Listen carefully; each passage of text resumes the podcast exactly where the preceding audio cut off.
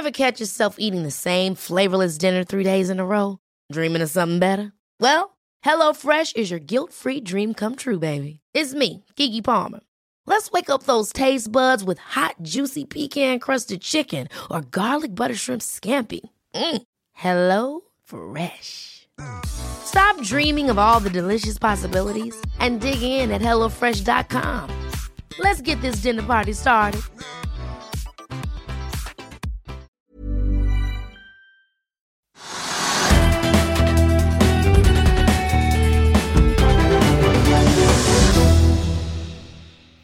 Velkommen til Økonominyhetene. I dag skal vi se nærmere på Vi skal i hvert fall snakke med gjesten vår, Hogne Tyssøy fra Holbergfondet. Men først så skal vi til Oslo Børs. I dag er det helt flatt på Oslo Børs, så vidt opp 0,1% Trygve. Er det rart at ikke vi ikke ser større utslag på Oslo Børs med tanke på hva som skjedde på Wall Street i går kveld?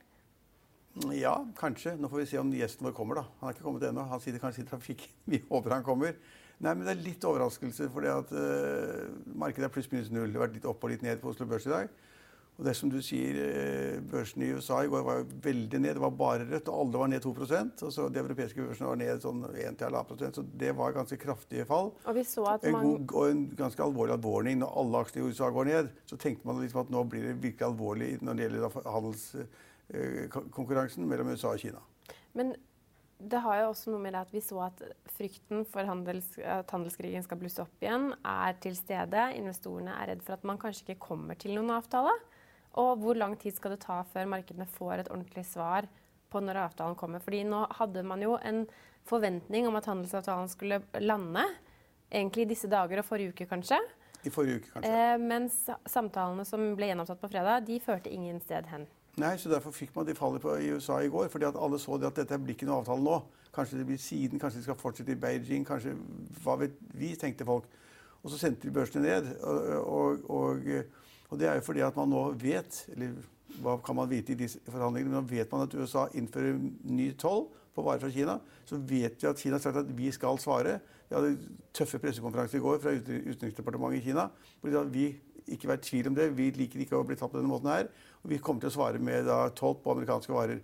Og så må man begynne å regne hva betyr det for de enkelte varegruppene som da på en måte USA importerer, hvor da, da prisen går opp med 25% eller, eller mer. Eh, og hva betyr det da for amerikanske varer i Kina? Og det, I går visste man ingenting. Vi vet ikke noe mer i dag heller.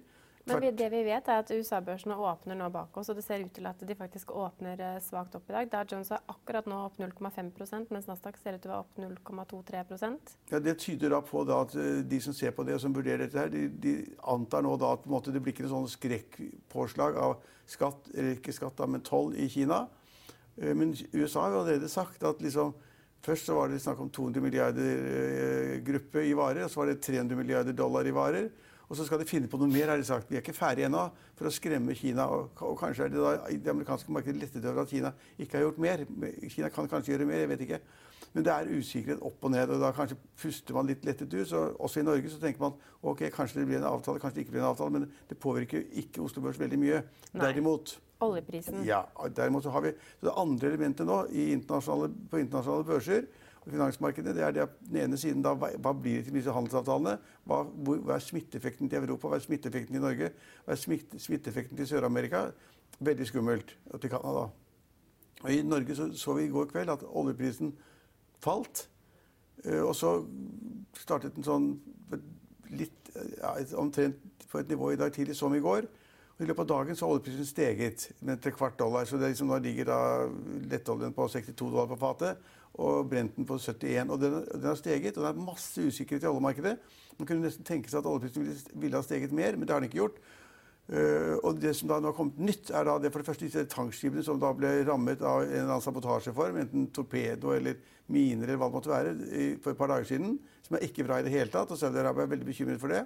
Og hvis vi nede i Gulfen får da liksom tankskip som da blir utsatt for såpass store skader at de liksom begynner å synke eller det skjer noe, eller de lekker olje, så er det alvorlig. I tillegg så sier Saudi-Arabia i dag, i forrige av pressemeldinger, så sier de da det at de har blitt angrepet av droner fra Jemen. Som det på en måte sendt av noe våpen eller et, eller annet sprengstoffgreier til da oljeanlegg i Saudi-Arabia. Hvis, hvis vi begynner å få da sabotasje mot tankskip og sabotasje i den forstand at det kommer da droner som da på en måte sprer u uhygge i Saudi-Arabia, så har vi krig på mange fronter. og Det er ikke bra i det hele tatt. Og det kan medføre da kommer vi til poeng, Mitt hovedpoeng er at Iran, som på en måte skal skvises av USA nå, som skal være liksom i, i, kne økonomisk fordi at USA skal sørge for at ikke en dråpe olje kommer fra Iran til land utenfor. Og da får ikke Iran noen inntekter. Det er det USA har sagt. og Det er en ganske tøff politikk. Og hvis Iran også nå blir veldig stolte og dette finner vi oss ikke i, hvis de stenger Hormuzstredet, som er sett tidligere, så vil oljeprisene gå rett opp. Ja. Ja, men vi er ikke der ennå. Men da vil oljeprisene gå rett opp. ja. Men Så- eh, da- enn så lenge så går ikke oljeaksjene rett opp på Oslo Børs til tross for en liten oppgang. Fordi eh, Nei. Equinor er jo ned 0,4 mens Aker BP er ned Eller Aker BP er faktisk opp Aker BP er litt opp, og så Equinor er pluss, pluss minus null. Men det at ikke de aksjene går, er jo tydelig på at folk da ikke er så redde for de der dronene, ikke for, redde for de der Saudi-Arabia-angrepene for de tankbåtene. slik at Oljeprisen er da for, Man kunne jo tenkt seg at, olje, at, at oljeaksjene, de, så, de aksjene som er korrelert med oljeprisen i Norge, altså da Equinor eller Aker BP eller andre, at de ville gå mer i dag. Det har de ikke gjort. Det betyr at markedene er veldig avslappet.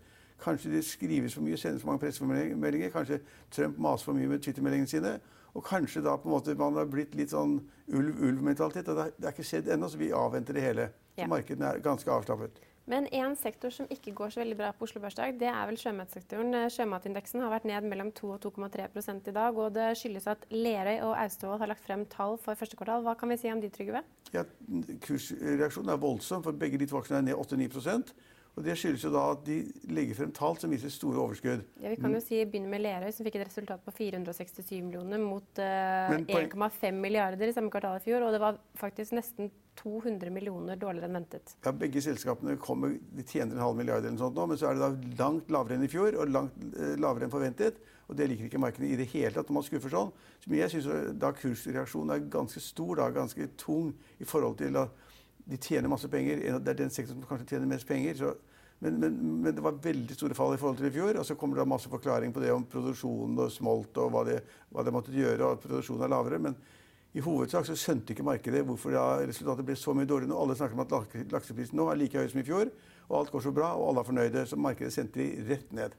Og også Movi blir da dratt med, men ikke mye, kanskje 1% ned. Ja, og så har vi dagens taperaksje, Tindfilm. Der har jo Ferd eh, solgt eh, 8,25 millioner aksjer i selskapet i går, og da er nede på en eierprosent på 4,91% Ja, De trenger jo penger, og de vet ikke hva de skal gjøre. og Det er kjempeproblemer i selskapet. Fotokur, som er en eh, Alexander Hansson-aksje, må vi nesten kunne si. Han er vel den som fronter aksjen mest i, i medier. Eh, er faktisk opp 14 i dag. De fikk et resultat som var eh, rødere enn i samme kvartal i fjor. Altså minus 4,9 millioner mot eh, minus 3 millioner i samme kvartal i fjor. Men driftsinntektene er betydelig opp, drevet av salg av Hexvix og Sysview. Ok? Ja, det er en, Har jeg lest meg frem til i det er dag. en Vi har- skummel, ja, det er en skummel bransje, men det er ganske små tall, da. Det er jo ganske små tall. Adevinta har lagt frem sine første kvartalstall etter børsnotering.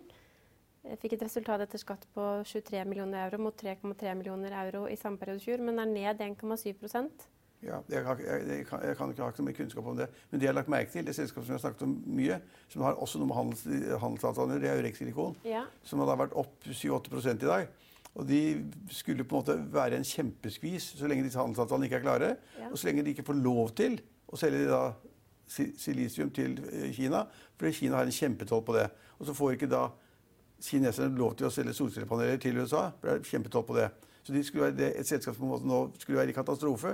De klarer altså da å ha en oppgang Stiger dag. 6,6 Og akkurat nå. Avanse Gass, som er veldig press på gassratene, er også opp 10 i dag. Så det er, ja, jeg, jeg syns det er vanskelig å lese markedet i dag, og jeg avventer oljeprisen, som da ligger og flyter. Og Oslo Børs ligger og flyter, og de amerikanske børsene kanskje også da er litt avventende. Vi må jo også snakke om noen andre hendelser som har skjedd i dag. Eh, Hvor vil du begynne? Revidert eh, nasjonalbudsjett, kanskje? Hva? Revidert nasjonalbudsjett, Ja, der regjeringen vil bruke mer oljepenger. Var det Ja. 2,91 Nei, altså det, er- det, er, det er en viktig ting at vi har fått revidert budsjett. Det er viktig for at det har regjeringen anledning til å plusse på litt her og trekke fra der, og liksom se hvordan hvordan det går med budsjettet. Men det, altså det, er jo, det er jo så mange som skriker opp på et veldig dårlig grunnlag. Fordi at Staten hadde da i budsjettet for i år planlagt å bruke 231 milliarder kroner av oljekroner. Ja. Det er en liten andel av avkastningen i oljefondet. Man tapper ikke oljefondet. Jeg så da SVs uh, Jeg håper ikke jeg sa at skulle tappe av oljefondet. Hun sa hun skulle tappe. Ja, Men jeg sa ikke det, håper jeg. Nei, nei, nei, Kaski sa det. Tapper, og hvis de fortsetter, så blir det ikke noe igjen til barnebarna våre. Det er noe erkesludder. For det regjeringen har gjort, for det første 231 milliarder er lite i forhold til avkastningen i oljefondet. Ja. Vi kan bruke 3 det Men det er 2,91 Nei, nei, nei, men hør nå. Ja, ja det er 2,9 eh, når man korrigerer nå. Men de har da øket da, bruken av oljepenger fra 231 millioner til 238 millioner. De har økt med 7 Milliarder, milliarder, kroner. Milliarder kroner, ja. Ja. Milliarder kroner.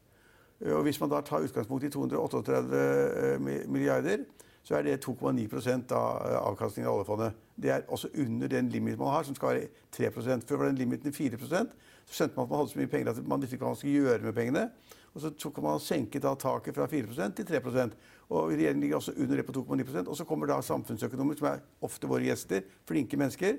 Og så sier de at dette er så fælt at regjeringen bruker såpass mye penger at det kommer til å gi press i økonomien og alt mulig, og inflasjon og alt mulig. Så nå vil vi helt sikkert få renteøkning både i juni og september. Og politikerne står i kø for å si at liksom dette her, at regjeringen bruker litt mer penger, oljepengene, betyr nå at alminnelige mennesker vil få da høyere renter og betale mer for å bo i boligene sine. Det er noe erkeslutter. Altså, det er ingen, ingen som klarer å finne ut hva de 7 milliardene mer i året kommer til å bety for noen sektor i Norge. Nei, men det vi, en, en liten morsomhet, eller jeg vet ikke om vi skal kalle det morsomhet, det var jo et skip som gikk på grunn. Ja, Og det, kost, det skipet kostet nytt 4 milliarder kroner. Og nå har altså da regjeringen bestemt seg for istedenfor å kjøpe et nytt skip, ja. så skal det repareres for 12 milliarder kroner. Det er et regnestykke som ganske mange nordmenn har vanskelig for å Det er ingen som skjønner. Altså, vi, vet, det er avhengig av hva prisen er på et nytt, da, men hvis de kan få et nytt for fem, da Ja, det var vel spekulert at det kunne koste mellom 5 og 6 milliarder, Jo, fordi at de hadde fått avslag på det. Altså en, en Jo, jo, men de har, kjøpt flere, de har fått kjøpt flere skip, og en fregatt burde kanskje koste fem milliarder, eller sånn da, siden Ja. det kostet fire. Men hvorfor det skal koste 12 milliarder å reparere, er det bare naturlig. De burde bare taue den ut og senke på det dypeste havet de har, og bli ferdig med det. Det hørtes, det hørtes jo ikke så veldig klimavennlig å senke. Jo, jo, jo, hvis du tar det på 400 meter 1000 meters dyp og senker det, så er det ingen som kommer til å bry seg om det. kommer ingenting. Det er bare å senke det. De kan jo ikke reparere den for 12 milliarder. hvis Men det er koster. planlagt at det skal Ja, men de kan jo ikke gjøre det hvis det koster 4 eller 5 å kjøpe et helt nytt skip. De kan jo ikke gjøre det. Og vi, vet, vi kan tenke deg hvordan de skal vri og vrenge på det, det materialene og det, skru, skotten og skrogen og det er jo bare Det er ingen som skjønner regnestykket. Det kan ingen komme til å forstå. Annet enn hvis de sier at hvis du skal ha et nytt, så tar det 20 år å få det, for det tar så lang tid. Det er ingen verft som kan bygge det, eller det er så vanskelig, eller det tar tid. og Vi fordeler da kostnader og masse budsjetter. Det kunne være en grunn til å tenke seg at man da på en måte da ikke bygger nytt, fordi det tar tid. Hvis man skal reparere, så tar det kanskje mindre tid. Men hvis det koster 12 milliarder, syns jeg vi dropper det. Ja. Ja. Så hvis du hadde kjøpt en båt for fire, fire millioner kroner, da Ja, kanskje, ja. Eh, og, til, og den hadde gått i stykker, og du hadde valget mellom å kjøpe en ny båt til 6-7 millioner eller reparere det for 12 millioner, så hadde vel det regnestykket vært ganske enkelt. Akkurat det samme. Ja.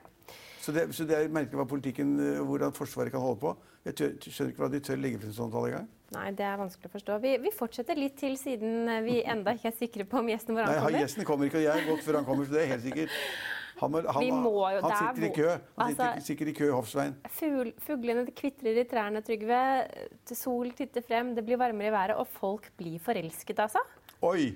Ja, de- Har du fått med deg det? Nei, så vidt. Det blir man jo hele året. Ja, men men nå tenker- er det en prinsesse, ja. ja. Det har jeg faktisk skrevet om i Finansavisen i morgen. Det tror jeg leserne mine vil like.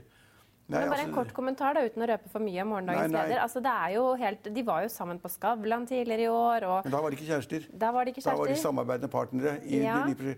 Men Ja. nå er de kjærester, og, og hun ser jo lykkeligere ut enn noen gang på disse Ja, jeg håper- jeg er håper er. Og han skal ha truffet kongefamilien, og, og Familien, i- familien i Norge elsker meg, sier han. ja, og skulle visstnok ha gitt noen intervjuer når han kom til Ja. Norge, for det skulle han gjøre i dag, men det er blitt nei. Men han er, han er jo en, ikke en sjaman, men en sjarlatan. Han driver jo med sånne helbredelser ved healing, og da hevder at han kan få helbrede kreft og masse rart. Og, Omvende atomer, eller ja, omdanne det, det er det atomer. mest sjuke jeg nå har sett. Han tillater seg å si det at han liksom kan gå inn i kroppen og liksom snu det som foregår innen kromosomer og atomene. Og det kan han snu og påvirke slik at da vi kan leve lenger. Det er en ordentlig skikkelig erkesludder alle sammen. Og det er nesten trist på kong Harald og dronning Sonja at de får en ny svigersønn som er like som den forrige. Vi må jo kunne si at Märtha har et litt sånn øh, eksotisk valg av eh, kjærester, kanskje? men det får hun gjøre for meg. Altså, det er, jeg skiter i hva Märtha Louise gjør med kjærestene sine, enten det er hestetrenere eller øh, biljardspillere eller, eller øh, folk som tror altså, Märtha Louise har jo sagt til oss det, hun, hun har sagt til oss at hun kan snakke med hester og bikkjer og, og, og, og, sånn. Hun kan snakke med bestemødre og kan snakke- med avdøde. Så hun er på en måte helt utafor.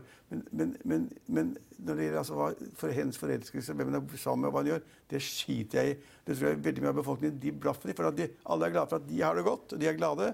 Og så gir man blaffen i det. Men at hun driver næringsvirksomhet og liksom tar, tar 595 kroner billetten for å prate tull med denne nye kjæresten sin, det det er næringsvirksomhet, og det har jeg greie på. Og Det er noe som heter markedsføringsloven. og hun kan, altså Der skal man levere det man lover. Hun kan aldri levere det han partneren lover, som de skal selge sammen. Og Der står det 'prinsessen og, og, og, og, og han'. Prinsesse, det er ikke liksom, men De kjører opp prinsessen og han, og så skal han da komme med budskapet sammen med henne. Og det er bare tull. Ja. Skikkelig bare tull. Men det fins jo mell mer mellom himmel og jord enn det du og jeg får med oss, kanskje, og mange andre der ute. Ja, men det kan er... du drive og surre med deg selv. men Du kan ikke selge det til andre for 595 kroner billetten. Nei. Du kan ikke gjøre det. Det altså det er i strid med alt i business og nærings, næringsvirksomhet og markedsfør, markedsføringsloven og alt som er.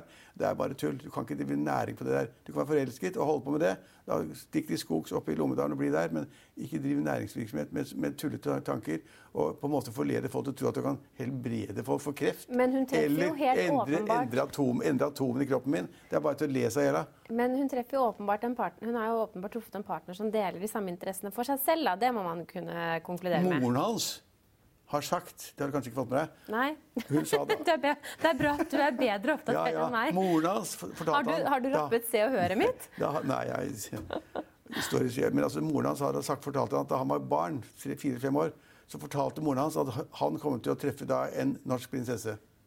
Hjelp, ljug og fanteri. Altså, er det mulig å si noe så tåpelig som det? Nei, det er vanskelig å se for seg. Men Og noen hun, ganger da hun så han, så skjønte han med en gang at dette var mannen i mitt liv. Og jeg elsker han, men hun elsker Ari Behn også. ja, Det gjorde hun med I'll see you in court. Vi sier det ofte litt på spøk, men for deg som driver business, er det aldri moro å innse at du ikke har laget en 100% gyldig kontrakt. Du bør ikke risikere hele firmaet ditt fordi du synes dette med kontrakter er litt stress. En avtale er ikke en avtale.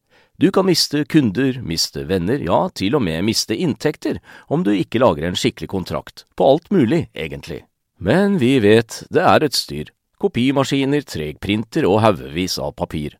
Dessuten stoler vi jo på folk her i landet. Det er ofte litt kleint å skulle be om en signatur for alt mulig, ja, for mye av styret handler også om jakten på underskriften. Det finnes en enkel måte å løse dette på, Dukkobit, en trygg, effektiv og get this, gratis måte å sikre seg en god natts søvn pluss en juridisk bindende avtale. Dukkobit-appen har de strengeste sikkerhetskrav i bunn, samt en EU-godkjent og sertifisert teknologi. Framover vil det bli behagelig å spørre du, skal vi skrive under på det, eller? Kom i gang på dukkobit.no. Vi har vel kanskje alle elsket noen vi ikke er sammen med i dag, Ja, men vi driver ikke forretning med det. Nei. Hun, kan være, hun må ta all forelskelsen og gleden og alt mulig og ta han hjem til, til mor og far og Harald og sånn i alt sammen. Men hun må ikke drive forretning i dag, Men det er bare helt skjørt. Ja. Ja, det er det. Jeg, håper, jeg, jeg skulle ønske, ønske kong Harald kalte henne inn og ga henne en rapp på rumpa. Og gjorde et eller annet alvorlig. For de sier bare Når de får spørsmål om da, næringsvirksomheten, ikke kjærligheten, den får de holde for seg selv, den driter jeg i. Men når de får da spørsmål om, om næringsvirksomhet, så sier de bare det kan ikke vi uttale oss om. Da må du snakke med hennes sekretær. ja. Ja, Sånn går det ikke. vet du. Nei. Nei, det er, det er et sånn skjæringspunkt mellom Men det, det er jo mange som har fått høre at de skal ende opp med prinser og prinsesser og riddere på hvite hester Ja, når men de ikke var at små. foreldrene så det da de var fem år. Nei da. Men, men litt sånn fram, morsomme frampek, det kan jo alle få høre når de er små. Og så er det ikke alle som kommer inn på en hvit hest i ridderdrakt for det om uh, man fikk høre det om man var fem år. Men han- har altså da truffet en norsk prinsesse. Sjaman, men Ja. det han driver med, er, bare, det er jo bare sånn han, han, han liksom kan kommunisere med det utenfor verden og tar det inn i seg og gir det videre osv. Vi, kan, vi kan ikke tro på det. Jeg trodde man skulle bli mer åpen for sånt med alderen. jeg. Nei, men det er fint at man kan tro på at det finnes noe annet mellom himmel og jord enn det vi har i hodet, men ikke til å selge til andre. Da sier vi at det var eh, hovedtrekkene for i dag. Vi skal videre til eh, oljeprisen. Den er nå opp 0,06% til 71 dollar 99 cent. Dagsomsetning på Oslo Børs ligger rundt 4 milliarder kroner. Da er vi på plass med gjest likevel. Velkommen til oss, Hogne Tysøy. Du er da forvalter, sjefforvalter i Holbergfondet.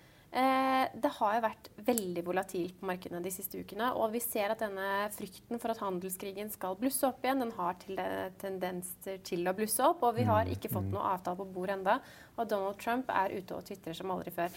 Roper han ulv ulv når vi ser at Wall Street i dag åpner opp etter det kraftige fallet vi hadde i går? Mm. Ja, det, det betimelige spørsmål, og jeg skulle gjerne hatt fasiten til deg. for å si det sånn, Men, men hvis en skal prøve å resonnere litt rundt denne situasjonen vi nå er oppe i, så er det helt klart at vi er, vi er inne i en veldig spesiell situasjon. Vi har to av uh, de viktigste aktørene uh, globalt uh, som bruker litt utradisjonelle metoder nå for på en måte kjempe en kamp som faktisk går, hvis vi tar det litt sånn filosofisk, går om verdensherredømme, egentlig. Altså mellom USA og og den oppkommende kinesiske staten. Og dette er, dette er jo en, en, en, krig uten bruk av militære midler, i hvert fall enn så lenge. Men det er bruk av virkemidler som, som har litt av de samme måte, kreftene i seg, hvis vi skal si det på den måten. Og det, det, det vil jo finansmarkedene umiddelbart, som vi ser, reagere på. Det skaper, eh, det skaper uro. Det er det ikke tvil om. Og så får vi se hvordan dette skal utvikle seg. Men hvordan forholder dere dere til uh, uroligheten eller volatiliteten? Har det endret måten Har investeringsklimaet endret seg? Nei, altså vi, vi forsøker jo, uh, i den grad kundene tillater oss det, å tenke langsiktig. Og det går jo ut på at vårt hovedfokus er jo på de enkelte selskapene og hvordan de uh, er skrudd sammen, hvordan de utvikler seg og hvordan det skjer. Og det er klart, denne type svingninger må vi da kunne leve med, hvis du skjønner hvor jeg vil henne, i forhold til at fokuset vårt det skal være hele tiden på den enkelte investering, og prøve så best mulig vi kan å søke å finne bedrifter som kanskje litt uavhengig av denne type støy allikevel utvikler seg positivt. Så, så vi har veldig konsentrerte porteføljer i alle våre verdipapirfond.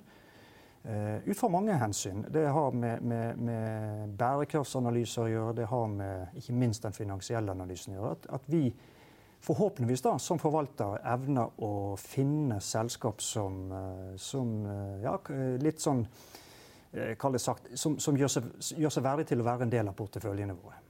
Vi hørte rett før du kom inn i studio en, eh, en, en, en, kommentar fra Europa og investorene der som fortsatt er urolig for at det skal blusse opp en resesjon eh, i kjølvannet av volatiliteten i markedet, uroen, rentebildet. Mm. Eh, hvordan går det globalt, og hvordan vil det gå globalt om vi får en sånn trenering av noen handelsavtale? Ja, eh, i hvert fall det vi nå ser som ut, eh, utspiller seg, det, det, altså vi kaller det for friksjon. I den forstand at eh, det, det at man bruker tollvåpenet til å øke kostnadene med samhandel. Det, er, det, det skaper friksjon i hele det globale eh, si, økosystemet. Og det, det, er alvorlig, men det er samtidig ikke, det, er ikke slik at det på en måte sporer av uh, den økonomiske utviklingen, men, men det, hever kostnadene med å samhandle. Uh, når det er sagt, så har vi jo hatt bak oss en av de lengste konjunkturoppgangene i historien. og det er klart, På, på mange vis da, så vil du være i en veldig moden fase i mange, mange sammenhenger. Vi tror jo også på at det på et eller annet tidspunkt kan føre til at du når kapasitetstak.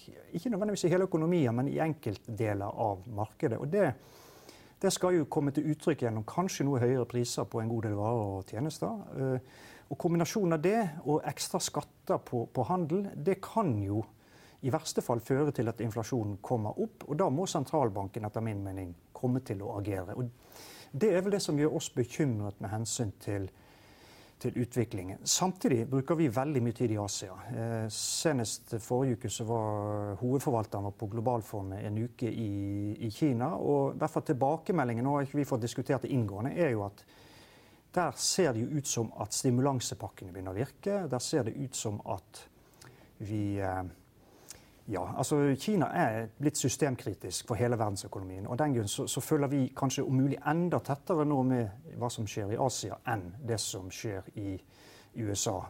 En annen utfordring er selvfølgelig at USA, som verdens desidert største våpenmakt, sitter på eh, redskap som kan eh, ja, ta nattesøvnen fra noen og enhver, for å si det sånn. Og det er klart man har en president som som virker eh, presset i øyeblikket. Og det, det, Dette er heller ikke noe hyggelig. Og det er klart, eh, Aksjemarkedet er ikke noe annet enn en temperaturmåler på alle disse ulike støytingene, hvis man kan kalle det det. Og så får vi se hvordan dette spiller seg ut. Men, men, jeg tror jeg skal understreke at vi er jo, og det må vi gjerne være, vi er grunnleggende optimister. Vi tror, tror jo at det er irrasjonelt i hvert fall å bruke militærmakt i en sånn situasjon. Men, men man skal jo ikke utelukke noe, sånn som verden ser ut i dag. Men, men, men Hvis vi går til Wall Street, så ser det ut at de har ristet av seg den verste uroen fra i går. fordi de er jo solid opp i dag, alle indeksene der. Men vi kan jo se litt nærmere på hvordan dere er eh, investert. Mm. Du har snakket varmt om sjømat når du har vært gjest hos oss i studio før. Da er det kanskje naturlig å trekke frem Lerøy, som dere har hatt i deres portefølje. Jeg antar at den mhm. fortsatt er med. Ja. Ned 7-8 i dag på veldig skuffende kvartalstall. Hva tenker mm. du da? Nei, det er klart uh, selskapet, har, uh, selskapet er inne i en uhyre spennende periode hvor, hvor, hvor de skal transformere seg fra å være eh, på en måte altså de, de, de, de, tar noen kraftfulle steg i form av å investere mer både i oppstrømsdelen av sin virksomhet, men ikke minst utvikle nedstrømsdelen. Og Det betyr at de arbeider veldig mye med å eh, komme tettere på kunden, tilby mer convenient uh, sjømat. Uh, og alt dette pådrar seg kortsiktig en god del kostnader. De skal også integrere havfisk i sitt store si, økosystem, hvis vi kan bruke en sånn tilnærming. Og det også krever veldig mye ressurser av selskapet. Men resultatet ble altså da 200, over 200 millioner lavere enn hva som var forventet? Ja, og det, det skyldes jo flere ting. Ikke minst at de da eh, måtte nedgradere store deler av sin ørretproduksjon pga. kjønnsmodning. Og det er klart Sånne ting eh, hadde nok ikke verken vi eller analytikerne sett for oss i forkant. Og de skulle kanskje vært ute og guidet oss tettere på det. Det er jo alltid en avveining som bedriftene må gjøre med hensyn til hva ligger i forventningsbildet, og hva, hva kommer, eh, på en måte, eh, har, har, man kommunisert underveis. Men dette illustrerer eh, at denne næringen fortsatt er eh, Iallfall Lerøy og alle det er ganske commodity-baserte fortsatt. Med andre ord enkeltfaktorer, som her i tilfelle pris, slår kraftig ut i et kvartal. Så vil jeg si at... Og biologi, kanskje? Det er... Absolutt. Det er biologi, dette her. Og det er bærekraft. og jeg vet ikke hva, Det er veldig mye. Men, men hvis man ser på Lerøy i dag, så kontrollerer de eh, eh, så betydelige eh, på en måte deler av kanskje den mest eh, viktige på en måte eh, matvarekilden, som er nettopp sjømat, eh, at vi i hvert fall har på ingen måte mistet troen på selskapet. Ja, det, det er en liten en liten vekker med hensyn til at det ligger en del risiko som kanskje sågar ikke ligger i selskapenes eh, kan, kan, si, egne muligheter til å, til å justere på. Men, men du, hever man blikket og ser innover i 2020 pluss, så tror vi Lerøy og Movi og, og, disse sjømatselskapene har en uhyre spennende posisjon i kraft av at de kontrollerer noe av det mest attraktive innenfor mat, nemlig sjømat. Og, og, og vi, vi, er i hvert fall eh, veldig tydelig på at vi tror dette har, som vi har sett historisk, har eh, en stadig viktigere plass i vårt kosthold. Og eh, prisene på sjømat øker jo med ca. en faktor på halvannen i forhold til annen type mat. Så, så der, der, er, der, er, der, er, noen veldig interessante, jeg kaller langsiktige, historiske egenskaper med sjømat som vi tror på ingen måte blir mindre viktig når vi ser i glasskulen fremover. For det er jo det som vi alle gjør spisevaner, velstandsutvikling, eh, eh, bærekraft Mange sånne kraftfulle temaer som preger oss eh, i, i, i, hverdagen, men som også blir viktige fremover. Det, det tror vi skal, skal gjøre at norsk sjømat kommer til å stå seg veldig bra også i tiden som kommer. Men hvis vi beveger oss litt bort fra dagens kvartalstall, det er jo et annet lite rødt varsko der ute. Altså, eh, de har jo, Europa sitt konkurransetilsyn har jo gått, eh, går jo nå selskapene etter i sømme for å mm. se om det har foregått ulovlig prissamarbeid. Det, det, spekuleres jo om det også kan ha foregått andre steder, og, ja. og, og noen mener at det kan resultere i milliardbøter, som igjen vil trolig påvirke, vil man anta, selskapenes eh, bunnlinje. Mm. Jeg er ikke bare, bekymret for uh... Jeg kan bare sitere, Vi var i Brussel forrige uke på sjømatmessen. og dette, Akkurat dette spørsmålet ble da stilt til styreformannen i Movi, Ole Erik Lerøy, hvor han i hvert fall sier til Investors at han mener med sin kunnskap i hvert fall, så har, har ikke Movi vært involvert i, i denne type ting. Eh, og det, det, tror jeg man skal, det er et veldig kraftfullt utsagn å komme med. Men at det kan ha foregått ting som, som da eh, ikke er kommet på, en måte på, på bordet til ledelse og styre på et, på, på, på et distribusjonsnivå, eller hva, hva, det måtte være, det, det er jo ikke men sitter dere og regner på det? Altså, Nei, altså det, kan, det kan, det kan eier, eller altså for det første, Jo da, vi kan, vi kan for, men vi, vi For det første vil jo bli, eh, ja, det, Potensielt kan det bli store bøter, men, men jeg understreker det at eh, enn så lenge i hvert fall, så, så syns vi at sånne type uttalelser fra, fra, den ledende bedriften innenfor dette her, er i hvert fall ting som gjør at vi, vi eh, Sover litt bedre om natten? Ja, so, sover litt bedre. Og, og, og, og, håper jo at det, ikke er tilfellet. Men for all del, vi har sett lignende situasjoner i vi har sett det i, i, innenfor tunfisk i USA, hvor de tre største aktørene er tatt til, eh, til, retten og dømt for prissamarbeid. Så vi har sett eksempler på det innenfor sjømatsektoren, at det har funnet sted den type ting. Så, vi kan ikke utelukke noe, men i hvert fall vi legger ikke det inn i, i, eh, i, på en måte i vår base case, men vet jo ikke hva morgendagen vil bringe. Men, men vi, vi, vil i hvert fall understreke det at sjømat som sådan, dette er mat, det mange vil kalle det helsekost.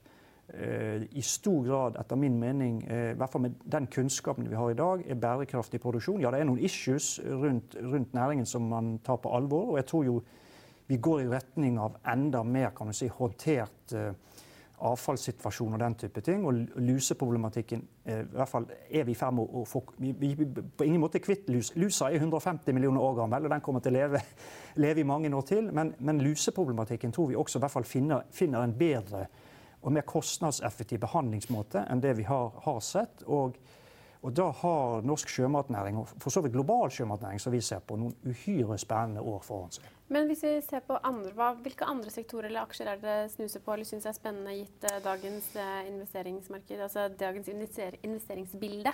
Kanskje det er Ja, jeg, jeg, vil si på generell Nå, nå sitter jeg primært og jobber med sjømat, så det er kanskje ja. det, der jeg har mest uh, på en måte fingerspissgefühl. Men hvis jeg ser på hva mine kolleger holder på med innenfor forvaltningen, så er det jo det er mye teknologi. Eh, selv om der er det en motvind også i forhold til sånn som EUs nye åndsverkslovverk, som helt klart skaper en del utfordringer innenfor det.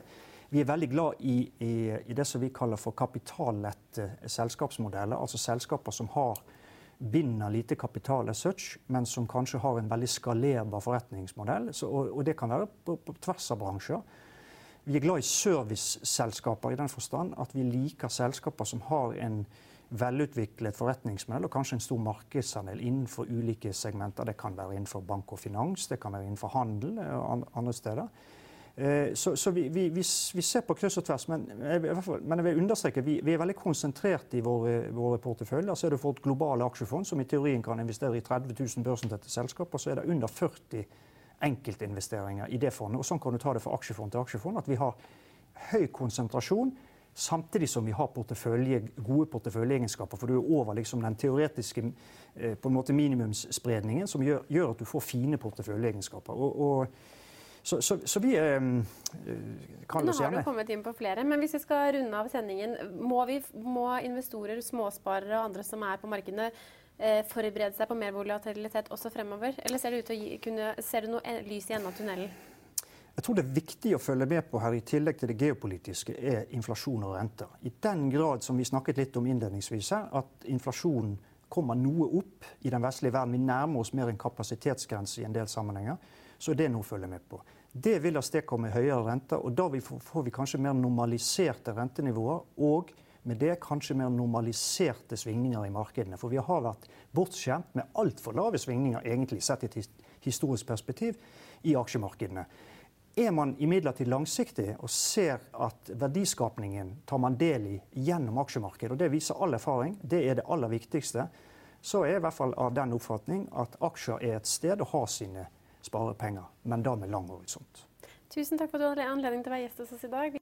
Ja, I Finansavisen i morgen kan du lese som allerede annonsert av Trygve Hegnar selv, hans leder om prinsesse Märtha Louise' nye sjamankjæreste. Av DNB-forvalter Shaker Besyd mener at både energi- og finansaksjer er lavt priset, og at investor Endre Røsje har firedoblet pengene på Nell. Vi skal også minne om at du kan høre våre børskommentarer og gjesteintervjuer på Hegnarpodden. Den finner du på hegnar.no hegnarpodden eller i iTunes, Spotify og Soundcloud. Vi er tilbake i morgen klokken 15.30. Følg med oss igjen da.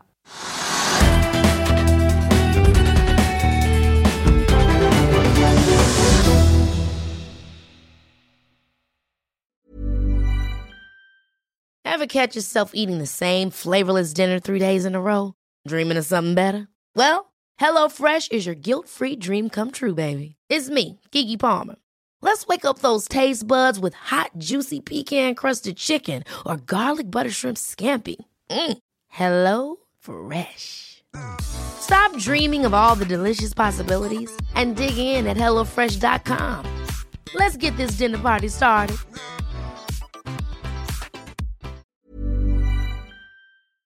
Økonominyhetene er en podkast fra Finansavisen. Programledere er Marius Lorentzen, Stein Ove Haugen og Benedikte Storm Bamvik. Produsenter er Lars Brenden Skram og Bashar Johar. Og ansvarlig redaktør er Trygve Hegnar.